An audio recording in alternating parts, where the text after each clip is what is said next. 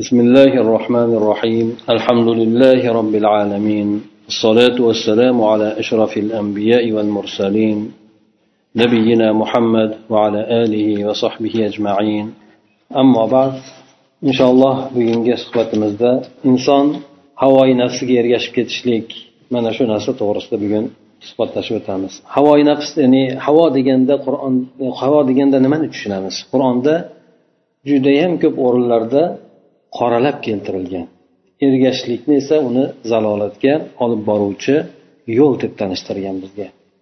Hattoki alloh taolo mana bu oyat karimada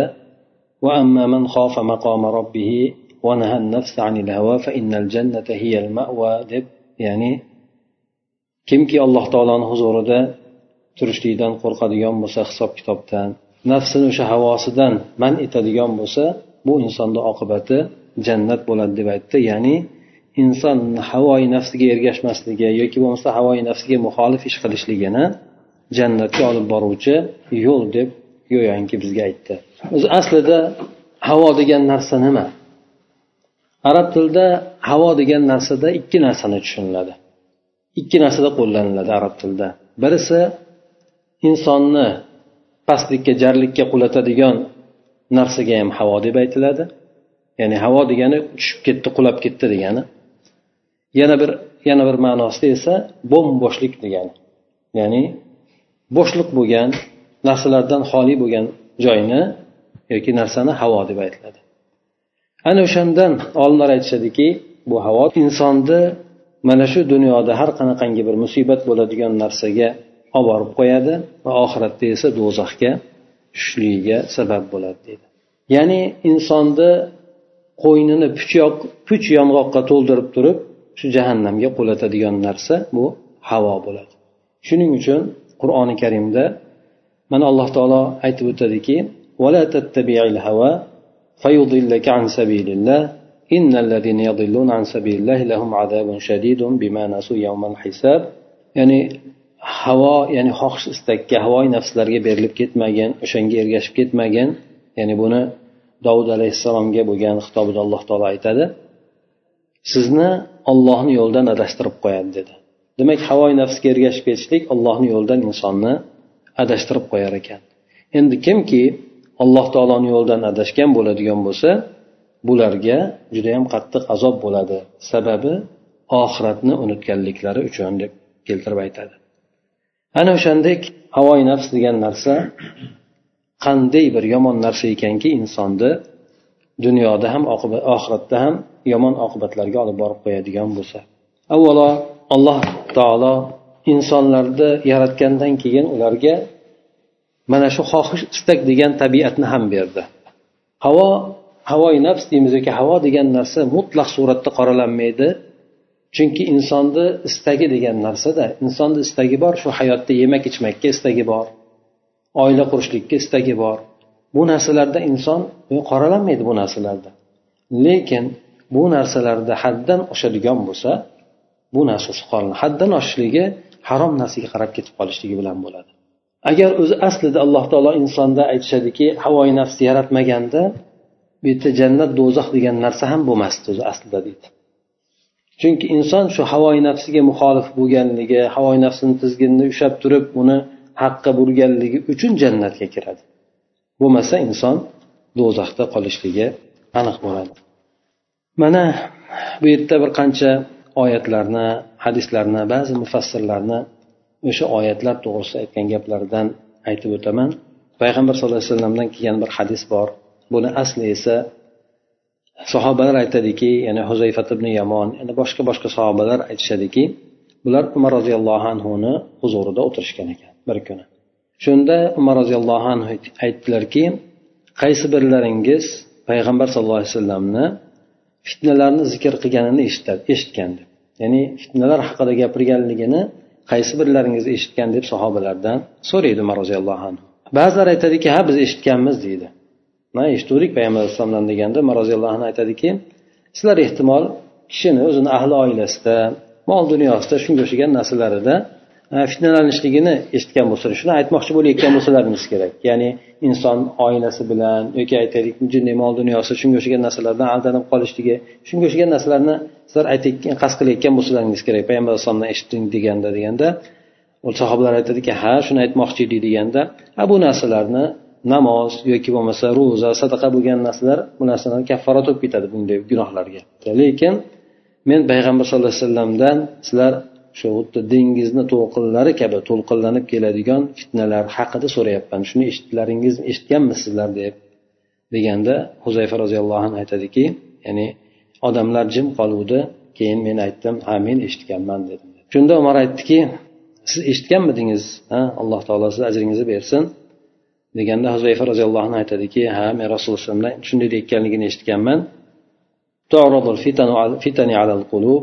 تعرض الفتن فتن على القلوب كالحصير عودا عودا فأي قلب أشربها نكت فيها نكتة سوداء وأي قلب أنكرها نكت فيها نكتة بيضاء حتى تصير على قلبين على أبيض مثل الصفاء فلا تضره فتنة ما دامت السماوات والأرض والآخر أسود مربد كالكوز مجحيا لا يعرف معروفا ولا ينكر منكرا إلا ما أشرب من هواه.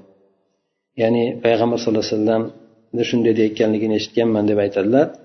Fitnalar insonni qalblariga xuddi bo'yra kabi ya'ni e, novdama novda ko'ndalang bo'ladi dedi.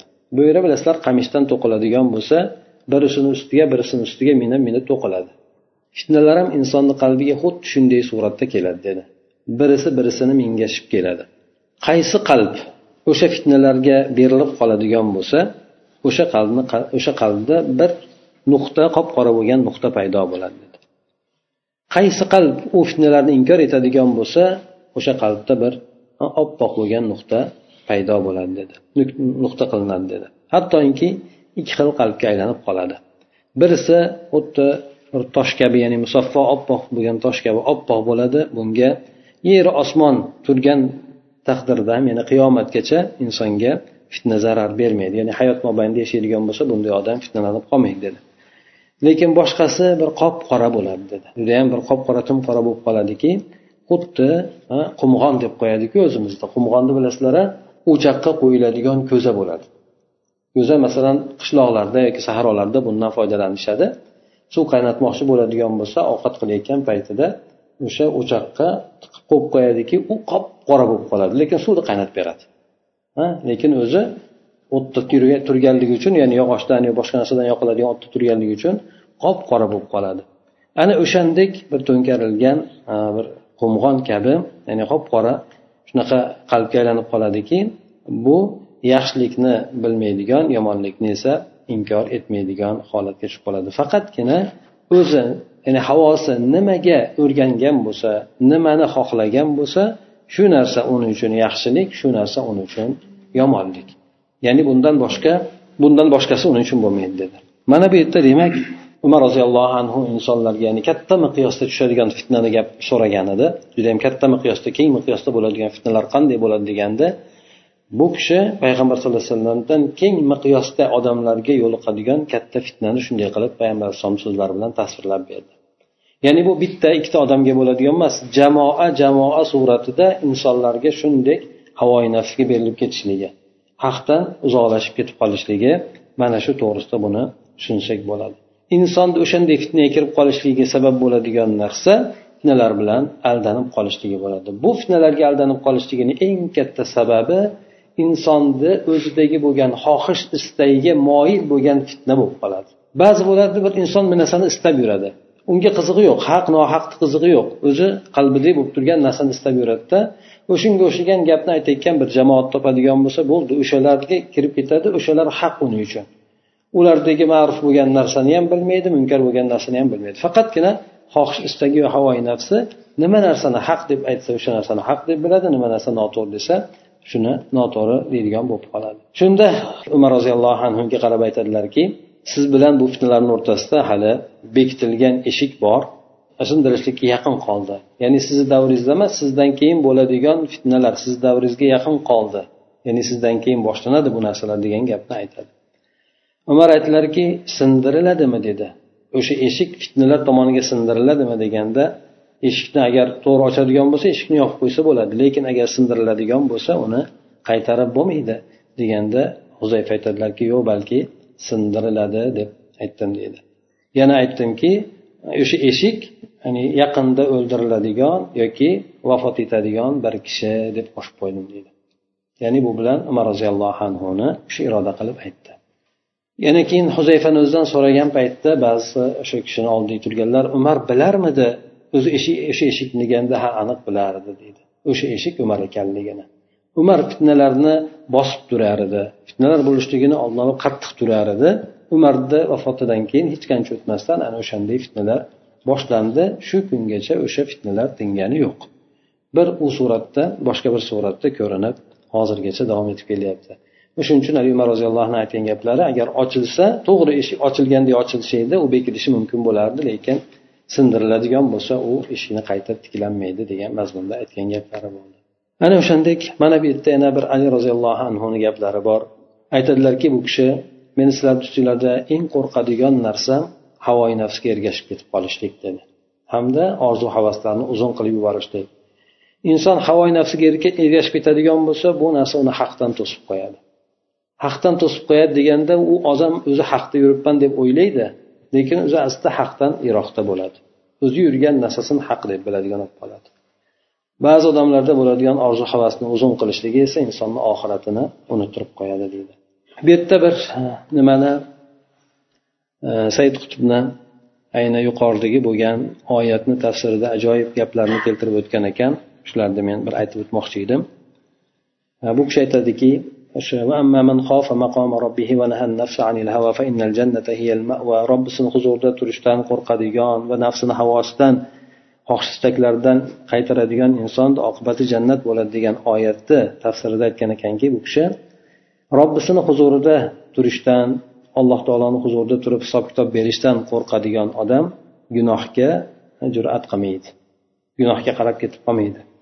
Mabodo insoniylik nuqtai nazardan insoniy zaifligi nuqtai nazaridan biron bir gunoh qilib qoladigan bo'lsa ham o'sha joyda turishdan qo'rqishligi bu odamni qilib qo'ygan gunohidan afsus tavobat qilishlikka hamda tezda istig'for aytib tavba qilishlikka olib boradi. Bu odam yana toat ibodat doirasida davom etaveradi. Inson o'sha havoyi nafsini tiyilishligi inson nafsini tizginini ushlab olishligi bu insonni alloh taologa toat ibodat doirasida davom etishligini sababi bo'ladi. Asosiy nuqtasi mana shu yerda bo'ladi. Insondagi bo'ladigan havoyi nafs bu insonni hamma tug'yonga olib boradigan eng kuchli undovchi bo'ladi. Asosan insonni gunohga haydaydigan gunohga intiltiradigan narsa insondagi bo'lgan havoyi nafsi bo'ladi. Hamma gunohga olib boradigan narsa ham shu. Havoyi nafs bu insondagi asosiy musibatni musibatni asosi bo'ladi. Yomonlikni kelib chiqadigan o'rni bo'ladi. Kamdan kam inson havoyi nafsidan omonda qoladi. Agar insonda nodonligi bo'ladigan bo'lsa bir gunohlarni bilmasdan qilib qo'yadigan bo'lsa johilligi bo'ladigan bo'lsa buni davosi qiyin emas. Davolasa bo'ladi. Johil bo'lgan odamni ya'ni ozroq bir tushuntiradigan bo'lsangiz tushunadi oxiratni eslatsangiz eslaydi qo'rqadi men gunohkor bo'lgani bilan. Lekin havoyi nafsiga berilib ketgan odam bu havoyi nafsga berilishligi ilmdan keyin beriladi. Johilligi bilan bo'lmaydi bu odamni bu narsa esa uzoq muddat uni davolashlikka muhtoj bo'ladigan nafsni ofati bo'ladi. Deydi demak havoyi nafsiga berilgan odamni bu yerda bir boshqa bir oyatda alloh taolo ajoyib bir suratda aytib o'tadi.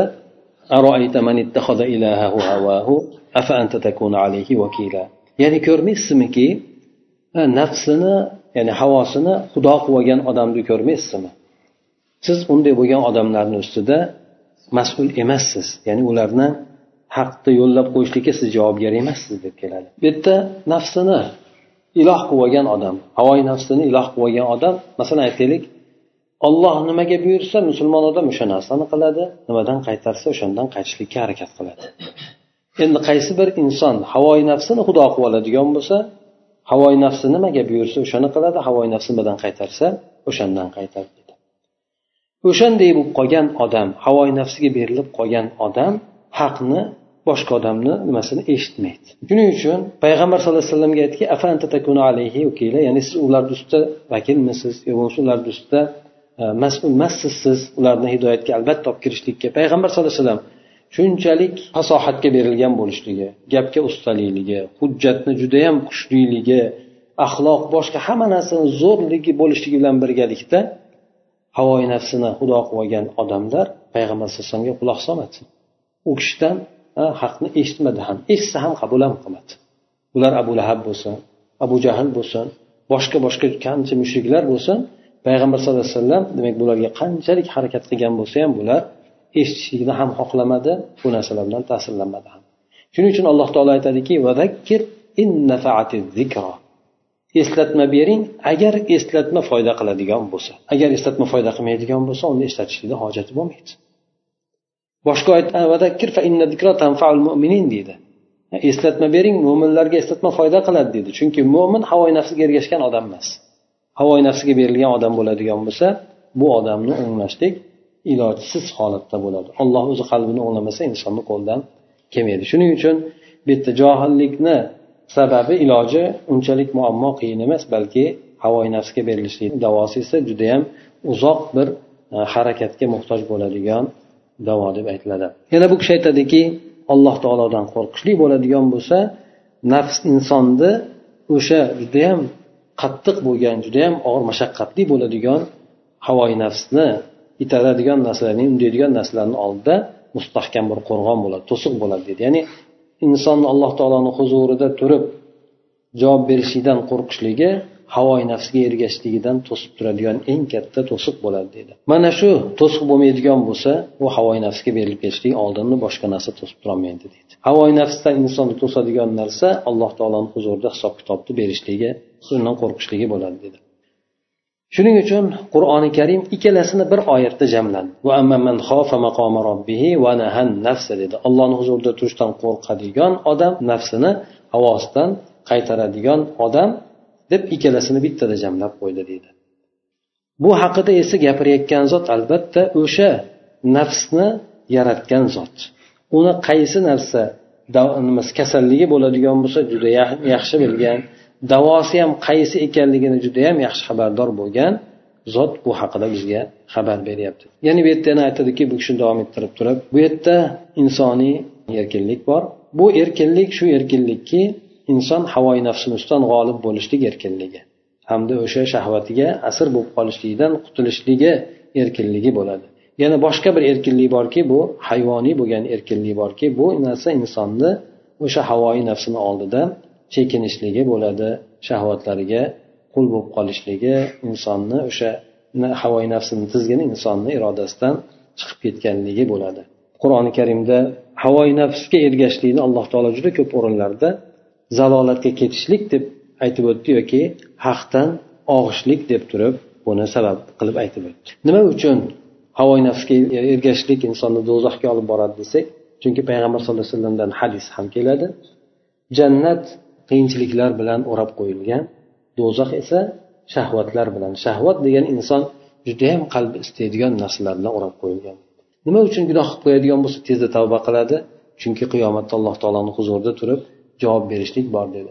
Birovni mulkini olishlikdan inson hazar qiladi. Harom bu narsa deydi nimaga? Chunki haromni hisob kitobi bor deydi agar haromni hisob kitobi yo'q deb biladigan bo'lsa odamga qizig'i yo'q. Agar dunyoviy manfaatiga zarar qilmaydigan bo'lsa olib ketaveradi. Yoki boshqa harom bo'lgan narsalarni ham inson qilib ketaveradi. Bundan to'sib turadigan narsa shuning uchun aytib o'tgandek alloh taoloni huzurida turishlikdan qo'rqishlik. Alloh taoloni huzurida turishlik degani o'zimdek tasavvur qilsak nima narsa bo'ladi? Judayam judayam og'ir bo'lgan narsa. Misol inson bir odamni oldida turib hisob kitob beryapti. Ishxonasi bor. Отчетlarni hammasini ko'ryapti. Xatosi bo'lsa cho'chib turadi. Inson keyin tergovchini oldida hisob kitob beryapti. Tergovchi agar dunyoviy ishda bo'lsa ha unchalik muammosi yo'q bir muddat chiqib ketadi odam yo gaplashib boshqa qilsa bo'ladi lekin diniy sohada ham hisob kitob beryapti. Uni necha yillab qamab yuborishligi bor undan tashqari qancha qiynoq boshqa boshqa bo'lgan narsalar borki odam boshida o'rganib olguncha boshida bo'lgan paytida ba'zan bo'ladi bu narsa inson tabiatida bor. Tili aylanmay qoladi cho'chib turadi qo'rqib ketadi masalan birinchi nima qilayotganda o'zini masalan erkinligini yo'qotib qo'yishi mumkin. Bu bor bo'lgan narsa.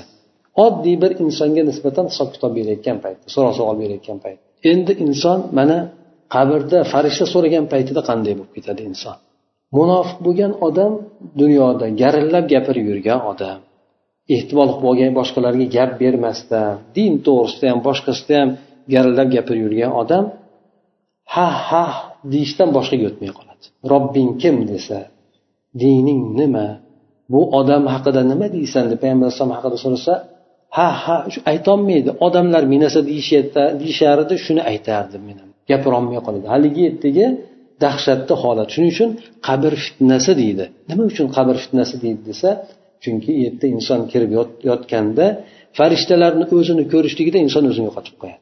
Agar shu alloh taolo uni sabot bilan ushlamasa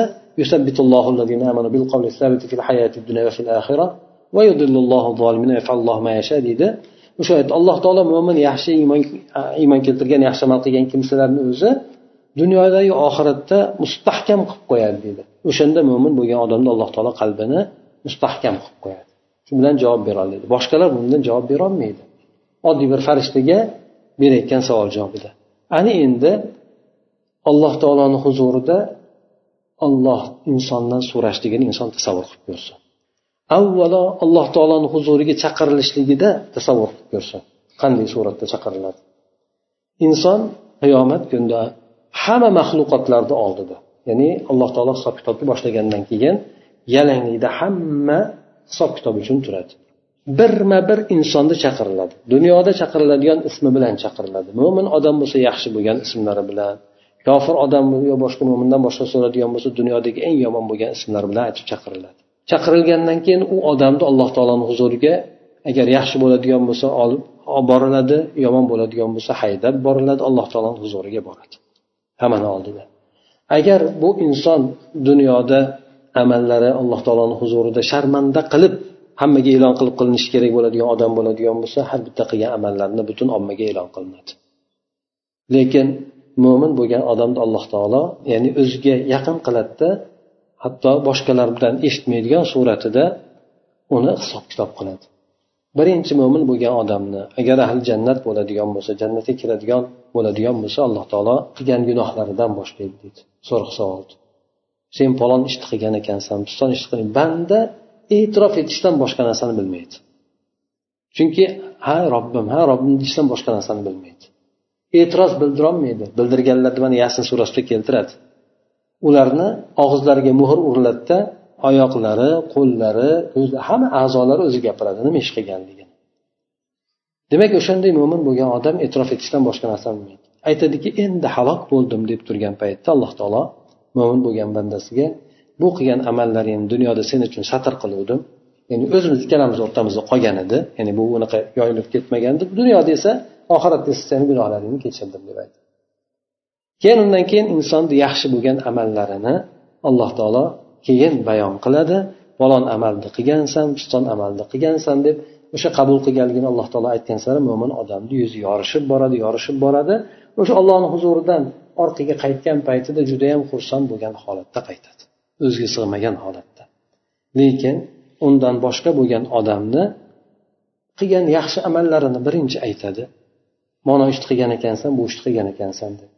Inson xursand bo'lib turgan paytida alloh taolo u amallarni qabul qilmaganligini hamda keyin keyin undan keyin qilib o'tgan gunohlarini hammasini birma bir birma bir hammasini aytib nima qilgandan keyin bu insonni yuzi qorayishni yuzi tundlashishni boshlaydi.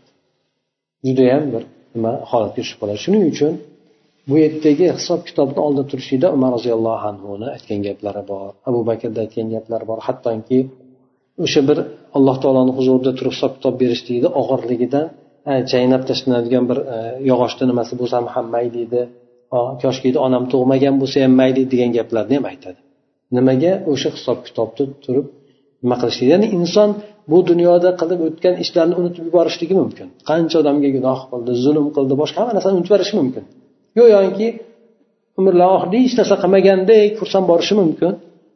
Qarasa haligi payg'ambar sallallohu alayhi vasallam aytganlaridek muflisni kimligini bilasizlarmi deganda muflis ya'ni bu ular aytadiki ha bankrotga uchragan mol dunyosidan ajragan odam. Desa bu ummatimdan bo'lgan qiyomatdagi muflis bo'ladigan odam tog' kabi yaxshi amallar bilan boradi. Lekin unga zulm qilgan buni so'kkan buni urgan buni unday qilgan buni bunday qilgan unga masalan yaxshi amallardan beriladi bunga beriladi unga beriladi. Qolmagandan keyin ularni gunohlaridan ortib buni zimmasiga yuklanadida do'zaxga uloqtiriladi. Demak inson shunday boradiki alloh taoloni huzurida bilmaydi inson qancha amalini olloh qabul qilgan qancha ibodatini alloh taolo qabul qilgan qancha gunohlar qilgan bo'lsa tavbasini olloh qabul qilgan. Inson bilmaydi. Shuning uchun o'sha yerdagi hisob kitobdan inson qo'rqadi. Agar tasavvur qilsa qo'rqadi. Tasavvur qilmagan odam uchun esa arzimagan narsa bo'ladi. Ibn masud aytganlaridek mo'min odam o'zini xatolarini gunohlarini xuddi tog'ni ostida turgandek tasavvur qiladi. Ana qulab ketadi ustimga deb. Judayam xatarda xavf xatarda turadi. Munofiq bo'lgan odam aytadiki xuddi gunohlarini oldin o'tib ketayotgan pashadek hisoblaydi. Go'yoki bunday qilsa u o'chib ketadi. Ya'ni ha deydi bunday aytganda. Shunday tasavvur qiladi. Ana o'shandek demak alloh taoloni huzurida turib inson hisob kitob berishligi judayam judayam og'ir bo'lgan narsa. Inson ikir chikirigacha qolmasdan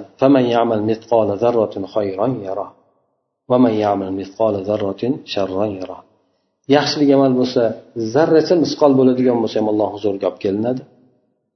Gunohlaridan zarrachasi bo'lgan bo'lsa ham ularni ham olib kelib taroziga qo'yiladi. Hech narsa hech narsa qoldirilmaydi. Qaysilarini alloh taolo qabul qilgan qaysilarini alloh taolo gunoh tavba qilgan bo'lsa alloh taolo kechirgan bu narsalar allohni o'zigagina ayon qolgan insonlar lekin hamma amallari demak taroziga qo'yiladi. U taroziga qo'yilgandan keyin go'yoki qamasi besh yil o'tirib chiqadi yo o'n yil o'tirib chiqadi o'lib ketsa nariyada e, haligi mukofotini oladi unaqa narsa yo'q u yerda. Hisob kitobni bo'lgandan keyin yo inson do'zaxga yoki jannatga hukm qilinadi. Do'zaxda inson bir marta ko'rishligini o'zi do'zaxda bo'lib ham insonlarni ko'zini oldiga olib kelib qo'yiladi. Qiyomatda jahannamda yetmish ming farishta har bitta tizgindan tortib kelishadi insonlarni ko'zini o'ngida turadi. Insonlar ko'rishadi buni. Ana o'shanday bo'lib turgan holatda inson hayot mamot holatida hisob kitob qilinadi. Hisob kitob qilingan paytdan keyin ham jahannamni ustidan o'tishlik bor. Hattoki hisob kitobdan yaxshi o'tib nomai amali o'ng qo'ldan berilgan odamlar ham ko'prikdan o'tayotganda juda yam katta xavf xatar bilan o'tadi. Jahannam ustiga qo'yilgan ko'prikdan o'tayotgan paytida. Nimaga? Sababi chekkasidagi bo'lgan ilgaylar olib ketishligi odamlarni hattoki kuydirishligi judayam bir qancha qancha odamlar do'zaxga qulab ketishligi keyin jannatga kiradi lekin o'shanday bo'lgan taqdirda ham bir marta jahannamga tushib chiqishligini o'zi judayam katta judayam og'ir katta musibat bo'ladi. Mana shu demak alloh taoloni huzurida turib hisob kitob berishlikni tasavvur qilgan odam havoyi nafsini tizginini usholmaydi inson alloh taoloni yoki hisob kitobni eslab turgan paytida gunohga jur'at qilmaydi. Qachoniki inson zaiflik qilib qolgan paytida jur'at qiladiyu lekin yana alloh taoloni huzuridagi hisob kitob bor degan narsani eslagan paytda darrov tavba qilishlikka inson shoshiladi. Shuning uchun bu yerda ana hadislarda ham oyatlarda ham o'sha havoyi nafsga berilib ketishlikni juda yam qattiq aytadi. Chunki havoyi nafsga berilib ketish shunchaki biz gunohga undashlik demaylik balki hattoki haqdan adashib ketishlikka ham olib borib qo'yar ekan yoki dindan chiqib ketishlikka ham olib borib qo'yar ekan. Havoyi nafsni sabablari nima desa birinchi alloh taolodan qo'rquv degan narsani yo'qligi bo'ladi. Inson ollohdan qo'rqish degan narsani ikkilamchi uchlamchi bo'lgan narsa ko'radi. Keyin insonni o'zidagi bo'lgan iymonni zaifligidan bo'ladi. Yana dunyo bilan aldanib qolishligi boy bo'ladi xohlagan ishlari. Yurib turibdi ishlari yurib turibdi hamma narsasi bo'lyapti. Oxiratini ham xuddi shunday tasavvur qilib qoladi. Ya'ni bu yerda ishimiz besh keyin yerda ham narsa qilib o'tib ketamiz deydi. Oxiratni unutishligi yoki orzu havaslarni uzun qilishligi keyin keyin yana bu yerda havoyi nafs kelib chiqishlik sabablaridan insonda yomon odamlarga hamroh bo'lib qolishligi o'shalar bilan birga yurishligi aytadiku do'sting kimligini ayt men senga kimligini aytib beraman deydi. Shuning uchun aytadiki qozonga yaqin yursang qorasi yo'qadi deydi. Undan keyin shahvatlarga inson ko'proq berilib ketib qolishligi g'ami shu narsaga aylanib qolishligi dunyo istashlik yoki bo'lmasa boshqa boshqa shu inson xohish istaklarini qondirishlik shu narsalarga mukkasidan ketib qoladigan bo'lsa bu ham insonni havoyi nafsi egallab qolishligiga sabab bo'ladi. Tabiat axloqlarini yomonlashib ketishiga ham xuddi shunaqa shuning uchun payg'ambar alayhisalom panoh so'ragan paytda yomon amallardan ya'ni axloqlarni yomonligidan havoyi nafslardan panoh so'rayman deb turib payg'ambar alayhisalom duosida aytib o'tadi. Man mansirab qolishligi e, yoki bo'lmasa aytaylik o'zini tergab turishligini yo'qotib qo'yishligi yoki toat ibodatlardan uzoq bo'lib ketishligi mana shu narsalar hammasi insonni havoyi nafsiga berilib qolishligiga sabab bo'ladi. Buni davolari qayerda desa o'sha hammasini teskarisi.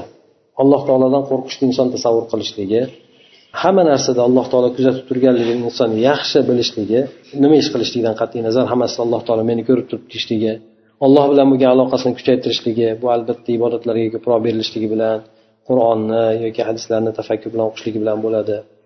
Yana o'limni ko'p eslashligi bilan e, inson bu narsani tuzatishi mumkin. Yaxshi bo'lgan odamlarni hamrohi bo'lishligi ularga ergashishlik bilan yana iymon e, iymoniy muhitda inson o'zini bo'ldirishga harakat qilishligi iymon darslar bo'ladi shu narsalarda ishtirok etishlikka inson harakat qilishligi eshitganlariga amal qilishlikka harakat qilishligi yana inson o'zini nafsini poklashligi ya'ni bunday narsaki nafs kirlanib qoladigan narsa. Inson kiyimi kirlanadi darrov yuvadi. Yoki bu yerga kir narsa tegib qoladi darrov yuvib tashlaydiki lekin qalbiga kirlik o'rnashib qoladigan bo'lsa yoki bo'lmasa o'sha yomonliklarni istab qoladigan bo'lsa inson bu narsaga e'tibor bermaydi. Bu balki insonni xatarga olib boradigan narsa balki aslida qalbiga kelayotgan haligi qora dog'larni inson boshidan boshlab yo'q qilishga harakat qilishi kerak bo'ladi tavba qilishlik bilan. Yana bu yerda aytib o'tganimizdek mo'tadil bo'lishligi dunyoga nisbatan ham mukkasidan ketmasligi iloji boricha qiladigan amallarni yaxshi niyat bilan qilishligi o'sha e, solih amallarni bo'lishligiga sabab bo'ladi. Bu yerda yana bir ibn rajabni ajoyib aytgan gap bor ekan. Bu kishi aytadiki hamma gunohlar deydi hamma gunohlar inson havoyi nafsini olloh rasulini muhabbatidan muqaddam qo'yishligidan kelib chiqadi deydi. Lekin bid'atlar bo'ladigan bo'lsa inson havoyi nafsini shariatda muqaddam qilishligidan kelib chiqadi deydi. Demak gunohlarga berilishligi allohni muhabbatidan nafsini muqaddam qo'yishligi bo'ladigan bo'lsa bidatlarga berilishligi insonni havoyi nafsini shariatdan muqaddam qo'yishligidan kelib chiqadi shuning uchun bidatchi bo'lgan odamlarni ahli havolar deb olimlar aytishadi ya'ni albatta insonda bo'lishi kerak bo'lgan iymondagi judayam katta kamchiligi bo'ladi bu narsa سبحانك اللهم وبحمدك نشهد أن لا إله إلا أنت نستغفرك ونتوب إليك اللهم انفعنا بما علمتنا وعلمنا ما ينفعنا وزدنا علما